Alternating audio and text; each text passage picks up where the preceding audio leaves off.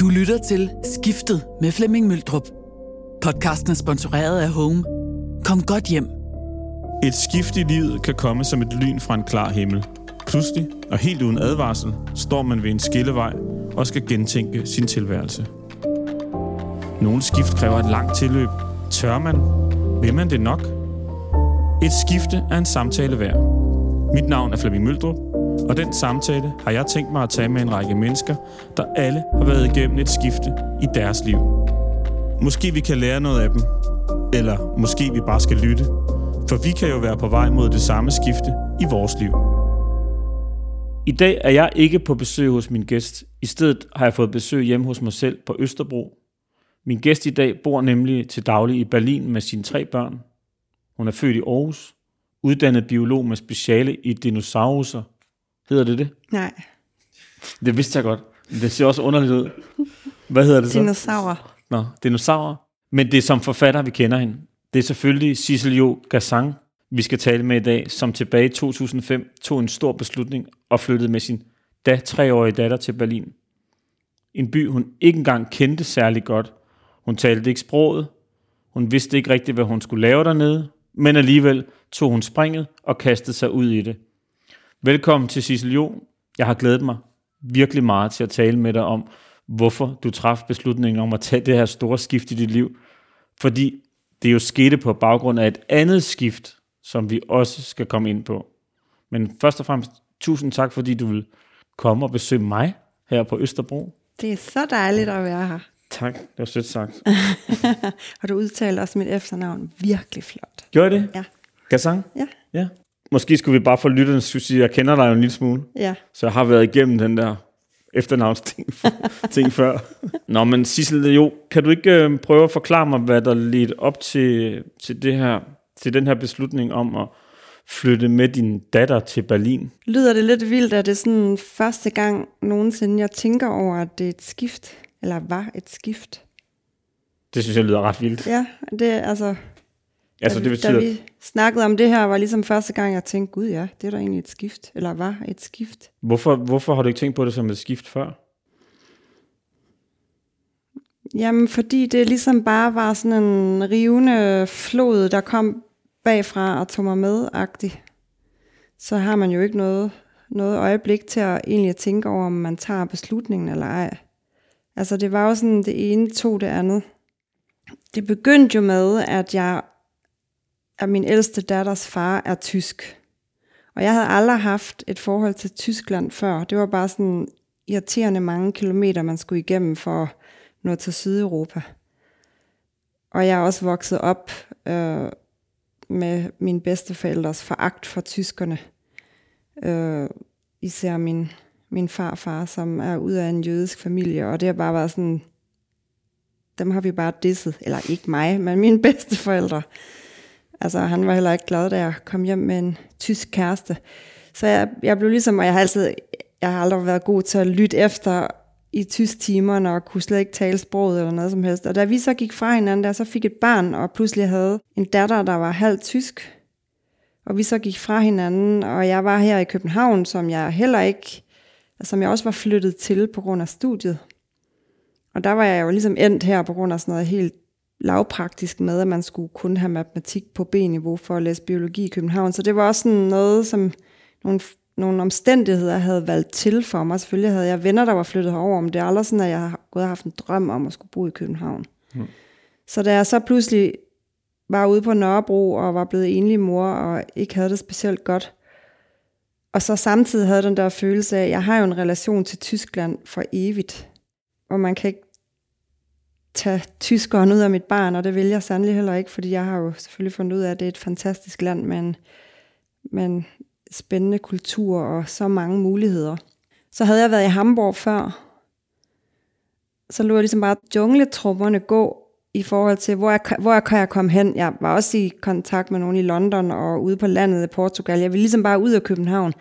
Men da jeg så fik muligheden for at komme til Berlin, og jeg ligesom huskede på, hvor dejligt det havde været i Hamburg, det var ligesom første gang, der var jeg, havde jeg mødt min daværende mand, øhm, så der var Tyskland ved at åbne sig for mig. Der var jeg meget overrasket over, hvor glad jeg var for, for at være i Hamburg. Der var jeg to måneder på et på en udveksling øh, fra, fra kunststyrelsen dengang. Så da jeg fik muligheden for at lege en lejlighed i Berlin, og samtidig fik et legat, så var det sådan, okay, det må være et tegn. Der var hun så ikke tre, der var hun halvandet. Så der okay. tog vi så ned, og der, det var sådan lidt en flugt også, kom væk fra alt det, der ligesom mindede mig om at være ked af det.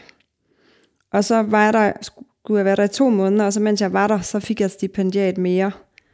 Og så kunne jeg så være der i to måneder mere.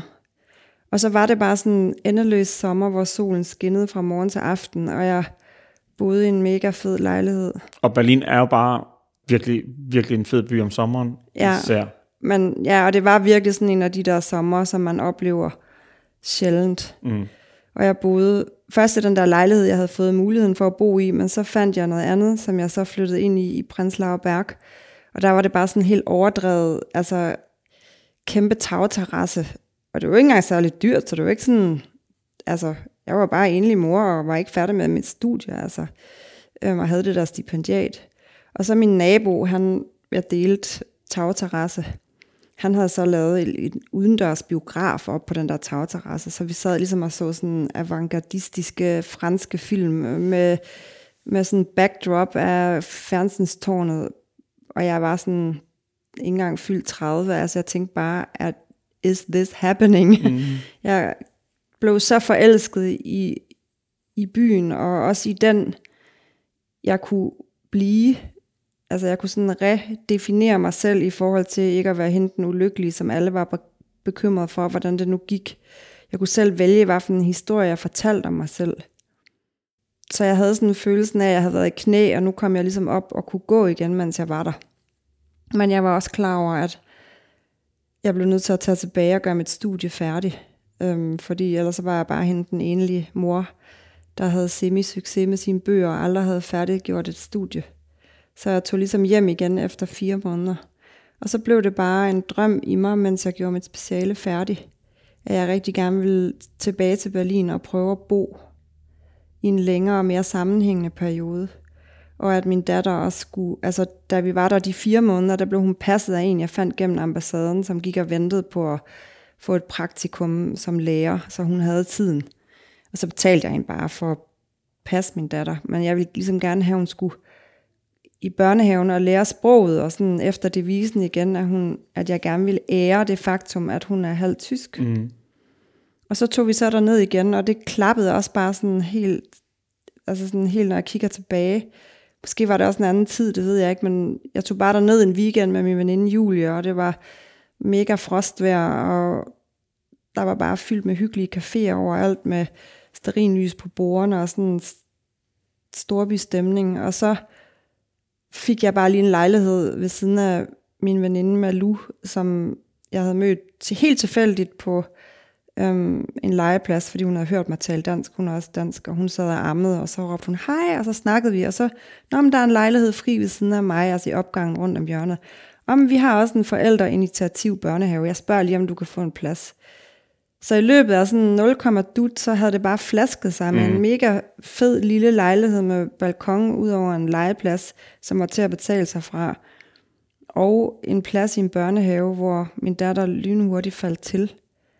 Og så gik der et halvt år, så forlængede jeg med et halvt år, og så sagde Stenurten, øh, børnehaven her på Nørrebro, altså vi er meget, en meget attraktiv børnehave. Vi kan altså ikke have en plads stående åben for dig, bare sådan, du må ligesom vælge, vil du have den eller ej. Og det var et stort skridt at beslutte mig for, okay, nu er jeg i hvert fald tvunget til at blive her indtil Lola skal i skole, tænkte jeg, fordi nu har jeg ikke nogen børnehaveplads mere. Så er det stenurten, der ligesom øh, tydeliggør, at det her det faktisk er en beslutning? Jeg kan i hvert fald huske, at jeg var rimelig svedt, efter jeg havde fået altså, hvad fik man dengang? En runesten med noget hakket ind i, eller en mail, eller et brev. Jeg ved ikke, hvordan de kommunikerede, at jeg skulle tage det her valg. Og det var en stor beslutning. Mm.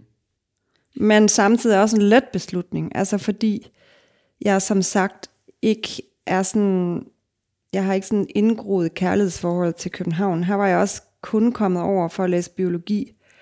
Og min far boede i udlandet på det tidspunkt, og min mor boede på Samsø og i Aarhus, og selvfølgelig mm. havde jeg mine venner her, det har jeg stadigvæk. Jeg har sådan en stor, stor vennegruppe helt tilbage fra min egen børnehavetid. Vi har sådan været virkelig gode til at holde sammen. Og det er jo også dem, jeg, jeg savner utrolig meget, men de er bare enormt gode til at komme til Berlin. Om det så er i fire måneder, fordi de vælger at sidde og klippe en film dernede, og så er de der en vinter, eller komme hele tiden på lange weekender, eller sådan noget. Mm. Altså, jeg har haft virkelig meget besøg, i hvert fald de første 10 år. Mm. Det er blevet sådan lidt anderledes de sidste fem år, jeg ikke mindst på grund af corona. Men Ja, for du, jeg synes, du, du bruger det her meget flotte billede af en flod, der ligesom kommer og tager dig med, ja, og så er du bare i Berlin af, af, af tilfældigheder, eller det er det jo selvfølgelig ikke, fordi du tænker jo over det, men det heldet flasker sig også for dig undervejs. ja, altså det var sådan lidt meant to be. Ja. Og det, det er ret interessant, fordi der er mange, der har sagt til mig sidenhen, åh, du er så god til at leve livet. Du pakker bare din datter under armen og køber en enkelt billet og lander på Ostbahnhof med en kuffert og en klapvogn. Hvordan tør du det? Og der bliver sådan helt, men det var ikke noget, jeg tænkte over, at det var, at, altså det var sådan mere en nød, af sjælenød på en eller anden måde. Fordi det var et voldsomt, det var et hårdt brud Ja, med din datters far. ja. Flyttede han også til Tyskland? Nej, han flyttede til Oslo. Okay. Der bor han stadig. Der bor han stadig. Så helt fra et farperspektiv, så lyder det vildt, at man et flytter til Oslo. Ja. Jeg, har engang flyttet til, jeg har engang flyttet til Holbæk, Ja. øh, mens min datter boede i København. Men længere væk har jeg, jeg flyttet tilbage igen, for jeg kunne ikke rumme.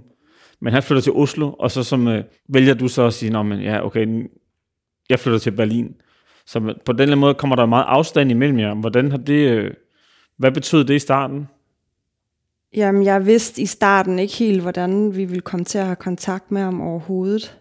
Okay. Øhm, og det er egentlig gået meget bedre, end jeg troede. Altså ikke, at han har været der specielt meget, for det har han ikke, men vi har da haft kontakt med ham hele tiden. Okay.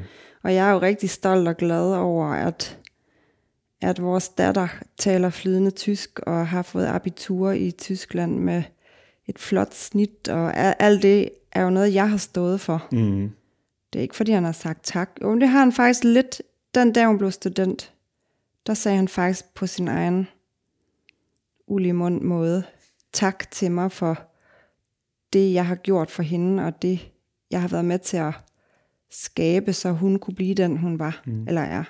som halv oceaner, halv israeler, med en far i Israel og en mor i Aarhus, så vil jeg også gerne sige uh, tak, fordi du har gjort din, jeg tror, du har gjort din datter en, en, en kæmpe tjeneste, og givet hende noget helt uvurderligt med på vejen, ved at gøre det der, ved at bringe tyskeren frem i hende, på en eller anden måde. Det, synes- det synes jeg er ret sejt. Hvad var det, du skulle opdage nede i Berlin? Altså, det var rigtig vigtigt for mig at kunne genfortælle historien om mig selv, som jeg sagde lige før. Mm. Og så er det også kombineret med det faktum, som jeg egentlig går og tænker meget over lige nu, fordi jeg overvejer lidt, om det er årsagen til, at jeg er ved at være parat til at flytte fra Berlin. Nemlig, at jeg har været meget næret af at føle mig som den fremmede.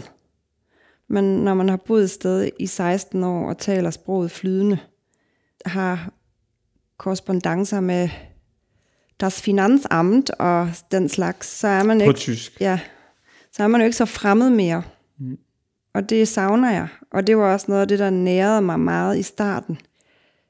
At ligesom gå i et med tapetet, eller være in- inkognito, eller og også det, jeg ikke kunne sproget, det var så lige de første tre år, men det der med, at det hele bare blev sådan en flimren i baggrunden, at jeg ligesom være med det, jeg var, og, og have det fokus, jeg havde brug for, uden hele tiden at blive forstyrret af alt det, der foregik omkring mig.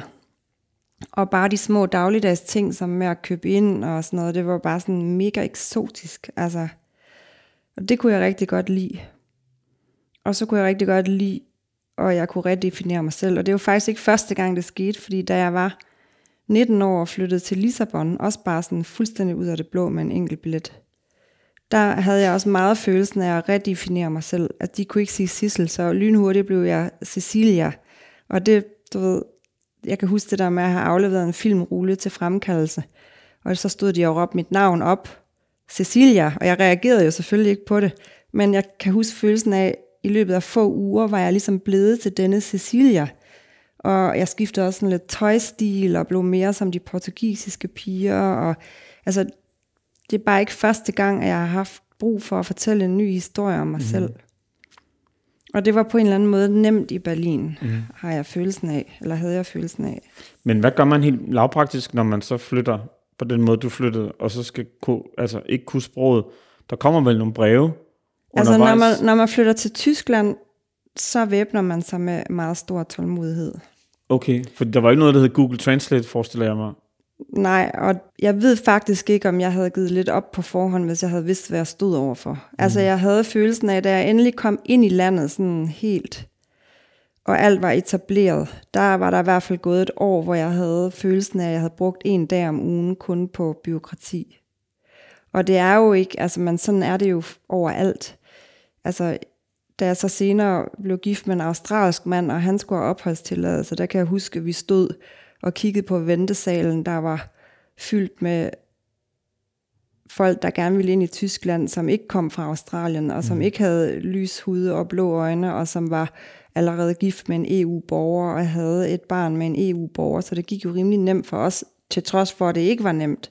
Der kan jeg bare huske at stå og kigge ind i den ventesal og tænke, kan få jeg ondt af jer, altså, fordi der er ikke meget hjælp at hente. Altså man kan være heldig at møde en, der er flink, men hvis man så for eksempel ikke kan tale engelsk, som nogle af de andre jo ikke kan, mm. så er du rimelig på herrens mark. Mm. Og jeg har ofte, altså det er sådan, jeg ved ikke om det er min alder, der trykker, men de sidste par år er jeg begyndt at være sådan meget, at jeg ikke bare lader mig træde på af de der autoriteter. Altså jeg, jeg forklarer dem virkelig, at det ikke er okay. Og der har jeg bare så tit sagt på tysk, der står jo ikke en mand med et skilt ude i lufthavnen og siger, velkommen til Tyskland, hvad kan jeg hjælpe dig med? Mm. Altså, det skal mm. du lige huske, når du skælder mig ud for, at et eller andet, mm. at jeg havde glemt at fortælle min sygeforsikring, at min datter var flyttet ud af Tyskland. Mm. Hvad konsekvenser har det? Jamen ingen, men det er forbudt ikke at fortælle det. Altså sådan nogle små bitte detaljer, mm. hvor, og det har virkelig været en, mm. virkelig op ad bakke. Men også noget, hvor jeg, altså, jeg er også stolt af, at jeg, altså, at jeg har gjort det, og jeg er stolt af, at jeg har klaret det, og jeg er rigtig sød til at give alle andre hjælp, fordi nu er jeg den mand ude i lufthavnen, der står med skiltet. Velkommen til Tyskland. Kan jeg Hjælper du mange dig? danskere i Berlin med at falde til? Hvis folk spørger, så gør jeg. Mm. Det skal, Der er måske, nogle underlige regler. det skal vi måske klippe ud, fordi at sådan, du ikke bliver sådan en... Jamen, det, der er allerede nogen nu, der skriver, Kære Sissel Yoga Sang, jeg tænkte på, hvordan er parkeringsforholdene nede i Midtbyen? Eller er der egentlig åbne i juledagene? Det vil jeg så sige, det svarer jeg ikke på. Nej, okay, det synes jeg er en god, Men en hvis god folk strategi. de skriver, Ja. jeg er på vej til at flytte til Berlin, og jeg har to små børn, og jeg har hørt fra en veninde, at du også, kan du give mig et godt råd? Ja. Altså, så er jeg helt klart behjælpsom, hvad hedder det? Behjælpelig.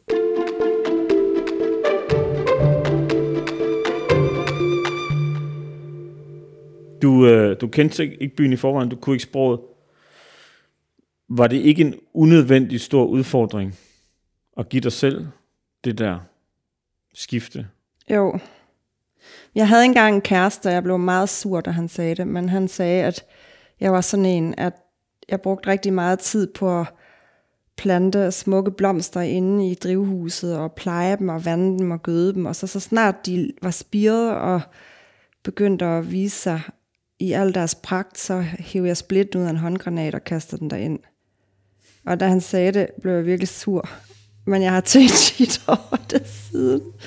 At der er nok lidt noget om snakken. Altså jeg tror, at det der med at udfordre mig selv på den måde, altså hvis jeg gjorde det med vilje, så ville det jo netop være et skifte. Mm.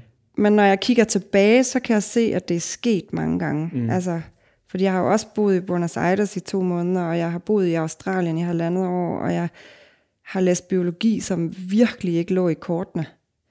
Altså, jeg, jeg, der har nok en lille Lotte modsat inde i mig, og det er jo ikke sådan en trodsalder Lotte modsat. Det er bare en, der følger min egen indre margariterute på en eller anden måde.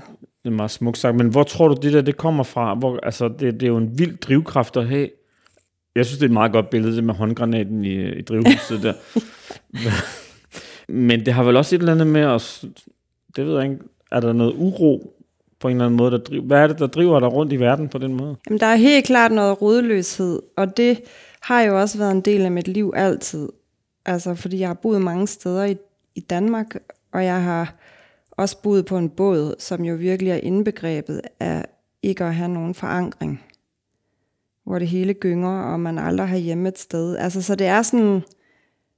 Og da vi, jeg var fem år, da jeg flyttede på den båd med min, med min mor.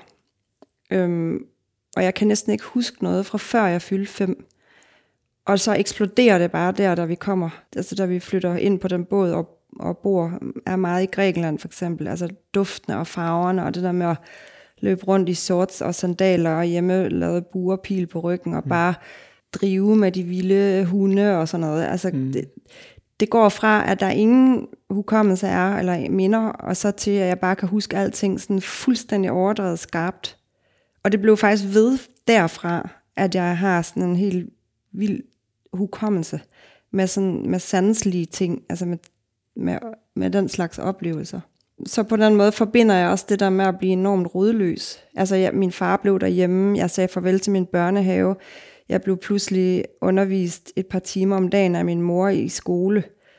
Altså det var et kæmpe skift mm. egentlig. Mm. Men det blev også forbundet med, at der kom eventyret ind i mit liv. Der kom farverne og duftene, og min fantasi blev jo fuldstændig overdrevet udviklet i det skifte, fordi mm. jeg bare havde mig selv, og ligesom måtte finde på at sælge appelsiner, eller jeg prøvede at sælge mit eget hår til de lokale, fordi jeg tænkte, de klappede mig altid på hovedet, fordi jeg var lyshåret, så må de vel også være interesseret i at købe mit hår. det må være penge værd. Ja. Hvad hedder det? det? Men der er også noget, der er også noget med, og selvfølgelig ikke som femårig på en båd, som ens mor placeret ind på, men det der med at selv til Buenos Aires og til Lissabon og til Berlin, så der, er også, der må også være et eller andet, der må være noget med de der udfordringer, altså, som du må være tiltrukket af. Ja, jeg, jeg kom faktisk lidt fra det før, fordi jeg ville sige med det der med, at mine venner sagde, at ej, var du god til at leve dit liv, at det også lidt overraskede mig, fordi ja, jeg er god til at booke en enkelt billet og pakke en kuffert og bare tage afsted, men jeg er jo også enormt angstdrevet. Altså, jeg, jeg er ikke sådan en, der bare kan sove, hvor jeg smider min hat, eller sådan, altså, jeg er meget god til at lande et nyt sted, og så omgående lave enormt meget struktur. Altså derfor har det også altid været vigtigt for mig, at min datter for eksempel gik i skole, da vi var i Buenos Aires, min store datter, og gik i skole i Australien og sådan noget. Altså mm. meget hurtigt havde jeg brug for den her struktur. Ellers så ville jeg slet ikke, altså så ville jeg være bange. Mm. Så på den måde oplever jeg ikke selv, nu for eksempel vores tur til Buenos Aires, der havde jeg lige født min yngste datter i januar, og vi fik den her invitation i marts øh, om jeg ville komme på sådan en stort anlagt læserejse i flere lande i Sydamerika.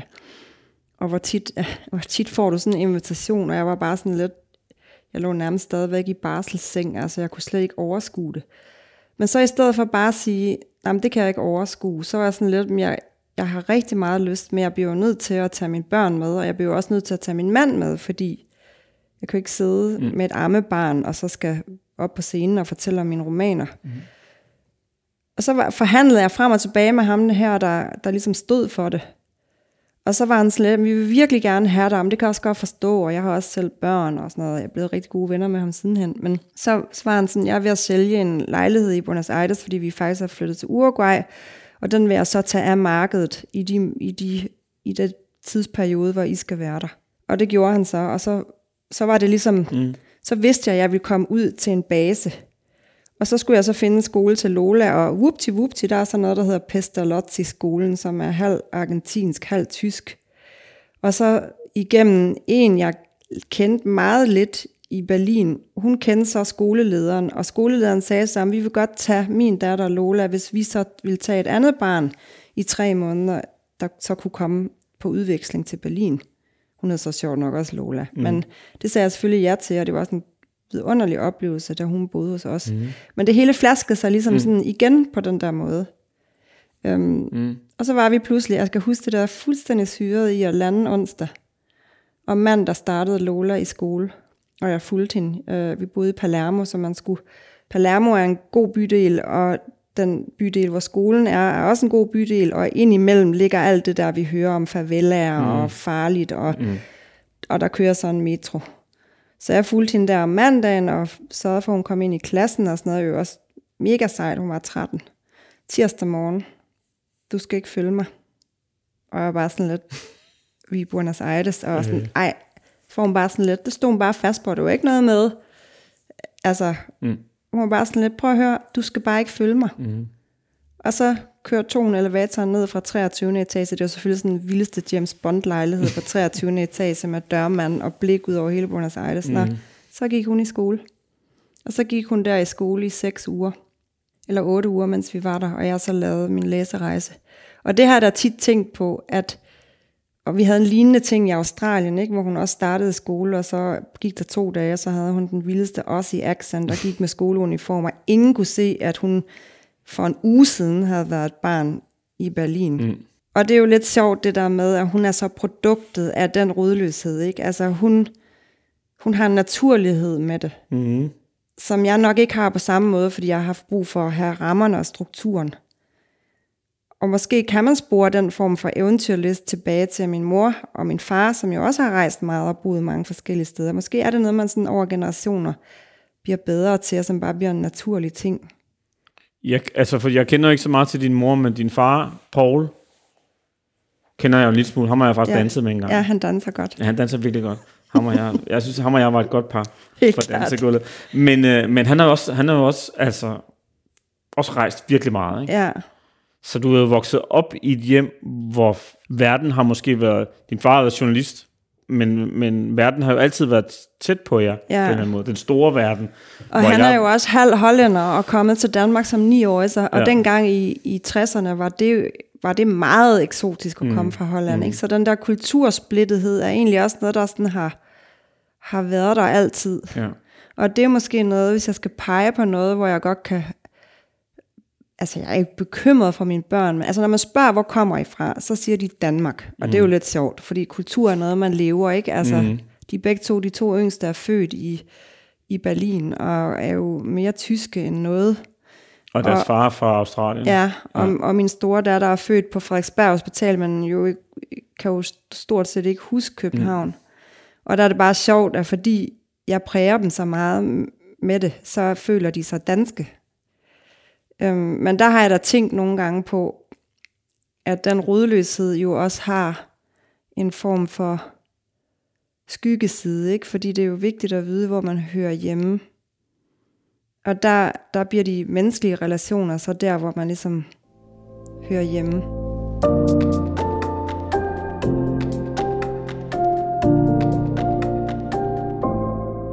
Men tilbage til det der med udfordringer, for det synes jeg er lidt interessant. Altså, du, var du er uddannet biolog. Ja. Du har blandt andet sagt et sted, at du valgte studiet, fordi du vidste, det ville være et enormt svært studie at gennemføre. Ja, har jeg sagt det? Ja. Men det er i hvert fald rigtigt. Men ja. altså, det, det, er jo, det kan jeg også grine af mig selv, fordi jeg, ville jo, jeg søgte jo ind på medicin i Aarhus og kom ind, og der havde jeg brugt et år på at lave min sproglige studentereksamen om til en matematisk studentereksamen, altså med at læse på GSK, eller hvad det hed, for fysik, matematik mm. og kemi, som bare sådan folk, der kendte mig før, altså de ville slå sig på loven af grin, fordi jeg har altid været sproglig. Mm. Og så erobrede jeg ligesom det der felt, fordi jeg ville ind, jeg ville læse medicin øh, og kom ind og havde ligesom købt bøger og søgt om SU-lån og sådan noget, og så fik jeg simpelthen så kolde fødder. Faktisk fordi, og jeg tit tænkte på, hvem det var, men der var en, der sagde til mig, du kommer da ikke til at kunne skrive og læse medicin, det kan man ikke parallelt. Altså medicin, det er sådan, du tager en vejrtræ, dyb vejrtrækning og dykker ned under isflagen, og så kommer du op 15 år senere og er speciallæge, mm. hvis, hvis du virkelig er hvis dygtig. Du kommer ikke? Op. Ja, hvis ja. du kommer op. Og det skræmte mig så meget. Jeg kan huske, jeg var på Skanderborg Festivalen, og jeg kunne slet ikke nyde at være der, og jeg havde så kolde fødder over det der studie. Mm. Og jeg havde det virkelig også, som om jeg havde fortalt mine vestjyske stokkonservative bedsteforældre, at jeg var homoseksuel. Altså da jeg skulle sige til min familie, at jeg ikke ville læse medicin alligevel. Men så kommer så den der typiske logik for mig, at jeg ville jo ikke spille det år, jeg havde brugt på matematik, fysik og kemi, det synes jeg var ærgerligt, jeg har fået gode karakterer. Jeg har fået 11 i matematik. Altså, det var bare sådan en mega sejr for mig, fordi jeg altså har fået at vide, at jeg var dårlig til matematik. Og det ville jeg så ikke spille det år. Så derfor kiggede jeg kun på fag, hvor man skulle have de adgangskrav, eller hvor der var de adgangskrav. Og så var jeg også lidt sur over, at jeg kunne have lidt fået en dårlig karakter i biologi i gymnasiet. Så det var sådan nogle underlige, altså, og så elskede jeg store dyr, man kan, man kan mm. klappe, men biologistudiet har bare så lidt at gøre med store dyr, man kan klappe. Altså Mm, det, mm. det er noget af det første, man ligesom må sande, når man starter. Men det var sådan, igen sådan en underlig logik, ikke at ville spille et års GSK-kurser, og så læste jeg så lige fem år, for ikke at spille det. Det er klart, så blev jeg jo bit af det. Ja. Og det er nok sådan lidt, min mor boede i København på det tidspunkt, fordi hun havde en kæreste herover. Hun havde, var ude i sin lejlighed, jeg kan lige så tydeligt huske det, på Lyngbyvej, og jeg kom ud en eller anden eftermiddag og var helt vildt presset over statistik for biologer og matematik for biologer, som er på første semester. Og så var hun sådan lidt, jamen så må du jo give op. Og så havde jeg bare tudet og fik den der følelse af, kan jeg ikke huske tilbage til fremtiden, hvor han mm. siger, don't call me chicken. Mm. Han bare bliver helt vildt rasende. Og den der følelse af, at hun sagde, "Men så må du bare give op, da jeg sad der og tudet. Så tog fanden bare ved mig. Mm. Så der er også en del af det, der handler om, du skal ikke fortælle mig, at jeg skal give op. Mig, jeg I'm not a quitter, er sådan mm. virkelig den der følelse. Og så kørte jeg bare klatten, altså med at virkelig for, efter det, jeg fik en lektiehjælp i matematik, havde en vildt god eksamen, fik en studiegruppe, involverede mig i det, som jo også er en del af det at erobre et studie, er jo også, at du rent faktisk er med, at det er svært. Det er derfor, mm. det er universitetet. Det er fordi, det er svært. Mm. og ligesom være med det. Ikke at være den bedste i klassen. Ikke få de, være den, der fik alle topkaraktererne. Men være med det, det var enormt vigtigt for mig. Og hvordan havde du det med det? Altså, det der med ikke at være den bedste, og ikke at få topkarakter. Jamen, det vender man sig jo til. Okay. Det var egentlig meget fedt, altså fordi... Jamen, det var bare nogle andre ting, der tog over på en eller anden måde. Og så er jeg, så er jeg sådan blevet tudet ørerne fulde af, og det er jeg virkelig glad for, at man skal have noget at falde tilbage på. At man skal, altså, min mor er jo fra rødstrømpebevægelsen, og du skal ikke være afhængig af en mand, du skal kunne forsørge dig selv, du skal have noget at falde tilbage på. Så jeg sådan hele tiden tænkt, jeg skal have en virkelig solid uddannelse. Så det var også det, der var med til at være motor i studiet. Altså, så var jeg næsten bachelor. Så kunne det så godt i hvert fald blive bachelor. Mm. Og så blev jeg skilt. Og så skulle jeg i hvert fald ikke være den der enlige mor, der ikke havde færdiggjort min uddannelse. Så så pressede jeg mig ligesom igennem det første år på overbygning. Og så var det bare sådan lidt, ej, men nu er jeg jo næsten færdig. Nu skal jeg jo til at søge speciale. Jeg havde meget få point, jeg manglede. Så tog jeg lige nogle kurser, og så skulle jeg så til at skrive speciale. Så var det bare sådan lidt, ej, nu giver jeg i hvert fald ikke op. Mm. Når din så mor sidder derude på Lyngbyvejen og siger, øh, at øh, så må du give op, og du siger, jamen, jeg, jeg, jeg I'm not a quitter. Ja. Det allersværeste ved at flytte til Berlin, uden at kunne sproget og alle de her ting, som vi talte om tidligere, hvad har det været? Det er helt klart det menneskelige afsavn. Er det vennerne, eller? Vennerne, og i takt med, at mine forældre bliver ældre, helt klart også familien. Mm. Ja, altså, og nu bor min datter jo, nu, du sagde, jeg boede med hende i, Ja, i Berlin, men hun Hun bor er faktisk i Aarhus. Ja. hjemmefra. Og det er lidt interessant, fordi da jeg flyttede hjemmefra, øhm, der flyttede jeg lige rundt om hjørnet fra min mor. Og hun blev så meget forelsket i en mand, det skete sådan rimelig parallelt, og var meget optaget af ham, og flyttede så hurtigt med ham til Samsø. Og jeg havde sådan en følelse af, at jeg var lidt lost, altså jeg gik i 3.G, øhm, og blev færdig og blev student, og havde sådan lidt følelsen af, at det var min mor, der var flyttet hjemmefra. Jeg har talt om det masser af gange, mm. så det er ikke sådan på den måde noget usagt. Mm. Men det svor jeg, at sådan skulle det ikke blive med Lola. Hun skulle have lov til at komme hjem og vaske, vaske sit tøj og spise middag hos mig, til hun var ved at kaste op over det. Og nu er det så blevet sådan, at hun faktisk går med den samme længsel efter altså sin mor, som en 18-19-årig kan have velvidende, at han eller hun sagtens kan klare sig selv, men den blev klippet lidt abrupt, den navlestreng. Fordi hun jo så har været spærret inde i Aarhus, inde i corona. Ja, det har ikke været et godt år, vel? Nej, så hun har ikke lige kunne komme forbi. Hun er meget tæt knyttet til sine søskende, så mm. hun har ikke lige kunne komme forbi og spise med os, eller mm. tage den ene eller den anden søskende med ud og lave noget hyggeligt. Altså det har bare... Øhm, så der har, jeg, der har jeg bare set den samme form for længsel. Altså jeg tror bare, der er meget længsel i vores familie, på grund af den måde, den sådan er spredt ud over alle mm.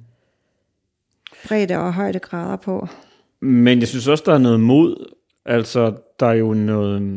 Det er jo ret... I, I træffer ret modige beslutninger alle sammen. Altså, lige fra dine forældre, synes jeg, til dig, og så nu til din ældste datter, ikke? Ja. Jeg ved ikke, om man kan tale om mod. Altså, jeg forestiller mig altid... Nu min søn, han er opkaldt efter den film, der hedder Willow. Jeg ved ikke, om du kan huske den. Jo, jo, øh, den der eventyrfilm, ikke? eventyrfilm, hvor Ja. der er a little person, Mm. som, altså det, de spiller et folk. Um, og han har altså sådan en amulet, han holder, hvor han, hvor han holder om den, og så siger han, courage, Willow, og så kaster han sig ud i noget, og mm. han godt ved, at han er alt for lille, svag, mm. og så videre til. Um, og det er for mig mod, at man er bevidst om, at man kaster sig ud i noget, der er farligt, men man gør det alligevel. Men den bevidsthed har jeg jo ikke haft. Mm. Altså, jeg er den sidste, der kaster mig ud i noget farligt. Altså, jeg er den sidste, der bungee jumper eller et eller andet, fordi, uh, var det sjovt med adrenalin. Det er ikke sjovt. Nej, men du snakker altså farligt som bungee jump, men jeg synes jo sgu, altså det må jeg skulle sige, jeg synes det er ret vildt at flytte til Berlin. Altså på baggrund af, at, øh, altså sådan som du gjorde det. Men Det- så tror jeg, du er, du hører til dem af mine venner, der siger, ej, hvor er du god til at leve livet. Altså, Ja. jeg, tror, jeg tror ikke, jeg nogensinde har tænkt, nu gør jeg noget modigt. Nej.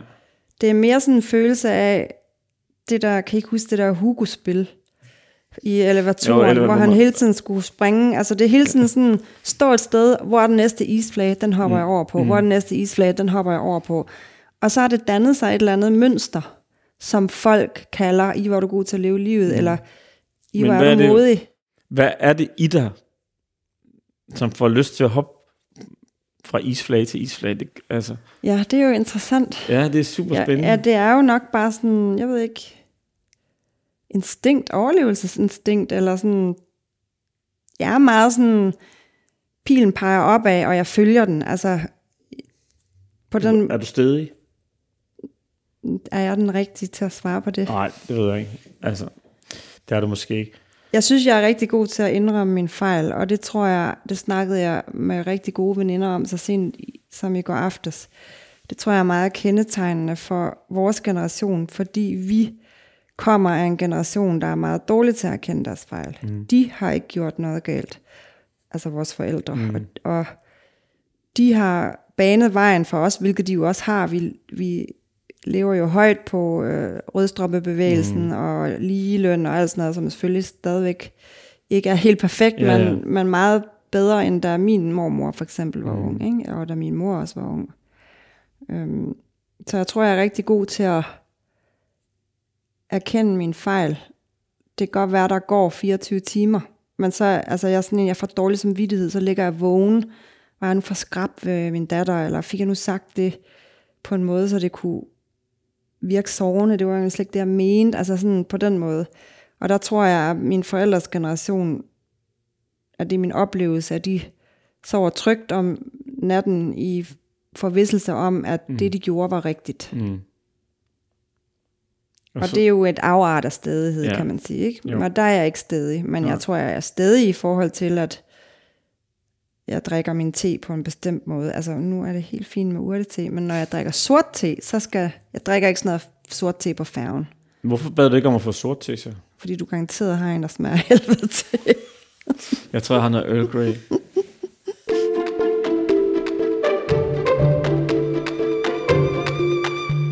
Bliver du formet af de steder, du slår dig ned? Altså, jeg er i hvert fald for at vide, at jeg har fået meget tysk accent i mit engelske.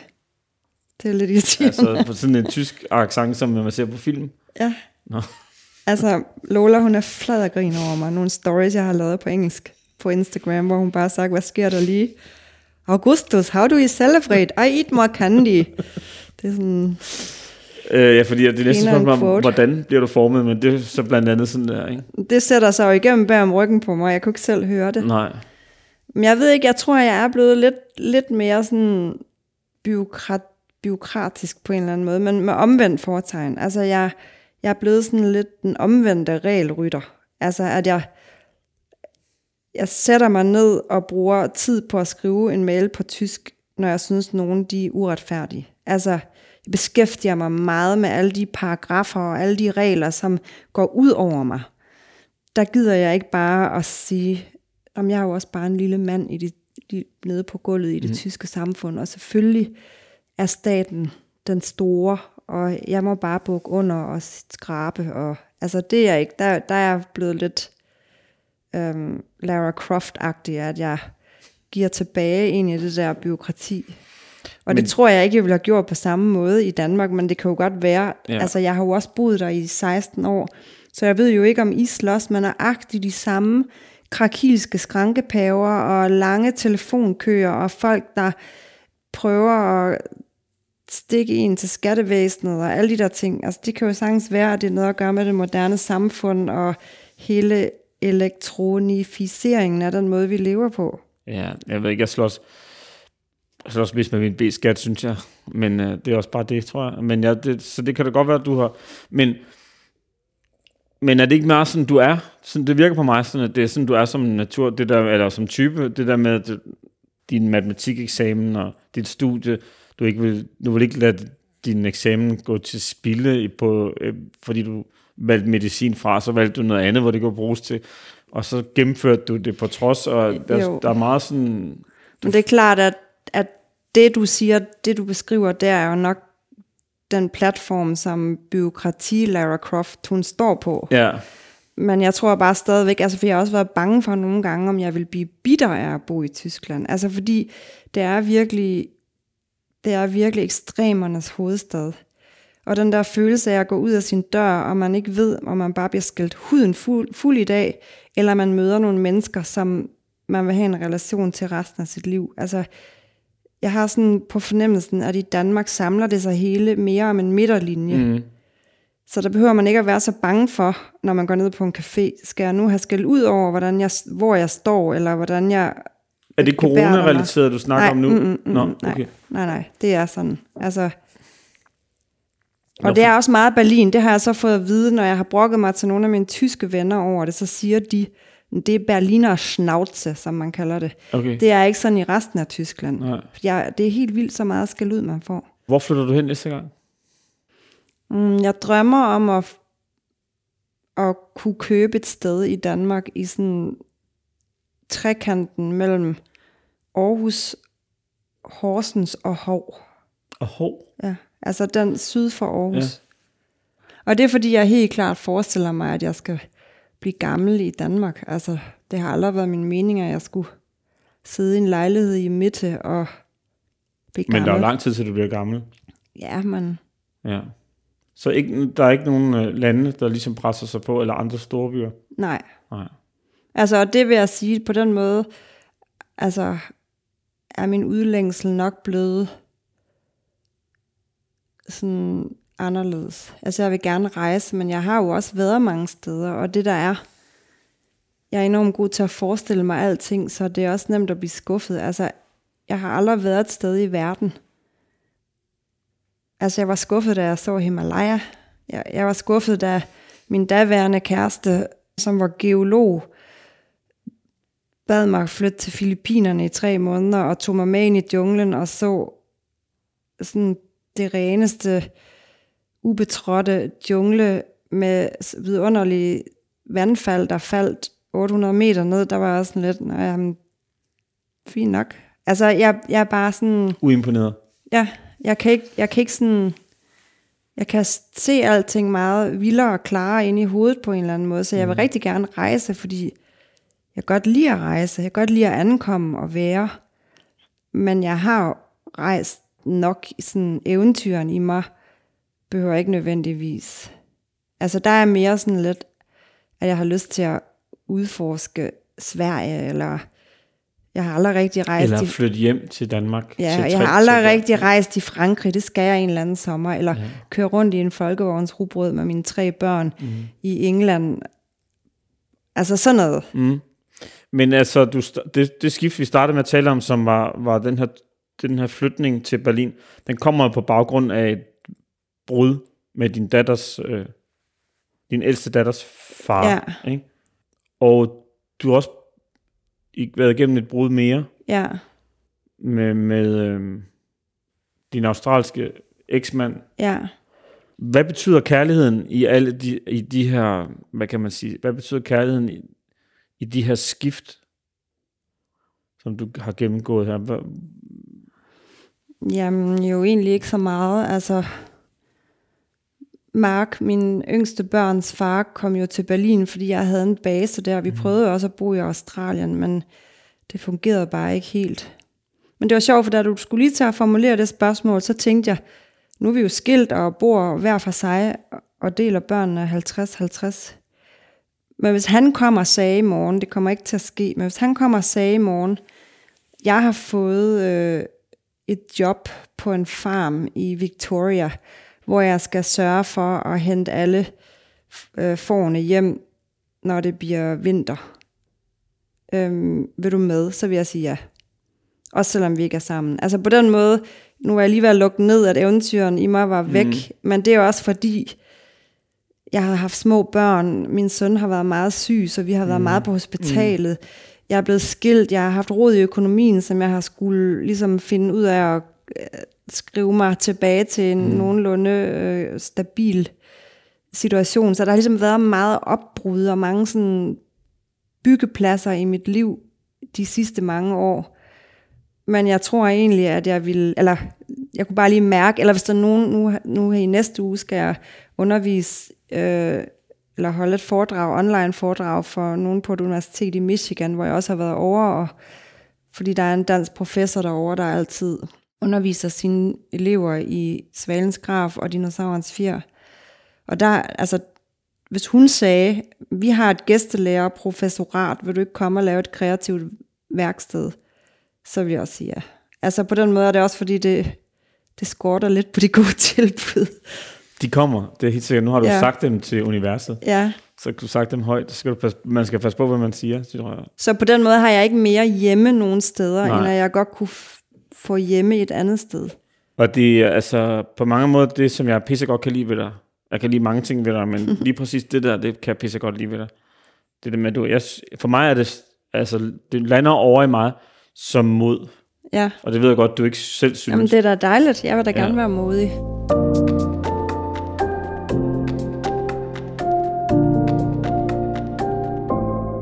Du flytter jo til Berlin på baggrund af noget modgang. Ja. Synes du, du har oplevet meget modgang i dit liv? Ja, det synes jeg, men hvem gør ikke det? Ja. Altså, jeg tror, hvis man, svaret. hvis man desikerer 100 liv, så vil 99 af dem have haft modgang, og 45 af dem ville have haft meget mere modgang, end jeg har haft. Mm. Altså, jeg har ikke oplevet noget, som jeg ikke, som ikke Men, men der er så, så, hvis man så 9 af de 99, der er ikke ret mange af dem, der på baggrund af modgang siger, åh oh, fuck det, jeg flytter fandme til et andet land og en helt anden by, uden at kunne Ja. sproget. Hvad tror du, du har lært af den modgang der så, som du så har haft i dit liv? Jamen, der er jo den der kliché med, at medgang er godt, men det er i modgang, man vokser. Altså, det, det var sådan noget, der stod i min poesibog, da jeg var otte år, og som jeg måske ikke helt forstod, hvad betød. Men, men det er jo tit i klichéer en eller anden enormt rødfæstet sandhed. Og så vækkede jeg til live den tanke, som jeg har haft før, at jeg helt klart blev et bedre menneske af at blive forladt dengang. Altså, hvor meget jeg egentlig kan hvile på skuldrene af det. Et mere interessant menneske og et mere reflekteret menneske. Og det, det bliver man jo tit af at ramme jorden, Mm. eller ramme gulvet med hårdt. Mm. man snakker om sådan i bokseterminologi, at nogen kan miste silken.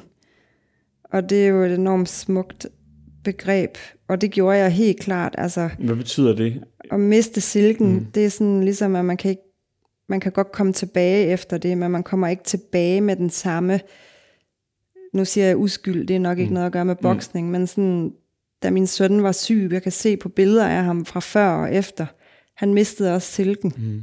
Og det gjorde jeg helt klart. Altså, jeg gik ind i det forhold med min ældste datters far, med en naivitet og en sådan laissez-faire-hed i forhold til, jeg får bare det hele, og altså, jeg ved også, at jeg har gjort mænd forfærdeligt ondt, før jeg selv blev forladt. Altså mm. skaltet og valtet med deres følelser og tænkt, nå ja, det betyder ikke noget for mig. Mm. Altså, mm, sådan. Mm. Og der er det helt klart, at det var en svine lussing. Det brud med, med min ældste datters far. Mm. Hvor jeg ikke hvor jeg kom tilbage i, i god form, men, men i topform måske endda, men ikke med den, altså jeg havde mistet silken. Mm. Men du kom jo, altså, uden det brud, var du nok ikke havnet i, havde du nok ikke foretaget det skifte.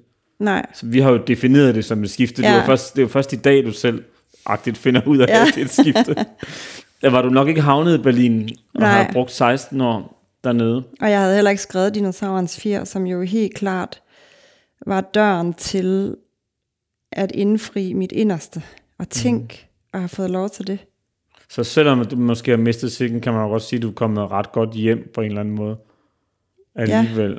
Altså, de, jeg har ikke sådan lavet mig slå ud af, af den modgang, og det er jo nok det, altså, det tror jeg er også meget at gøre med, altså selvfølgelig hvem jeg er, men også hvordan jeg er blevet opdraget, altså til at rejse mig op og børste knæet af mm. og gå videre. Mm.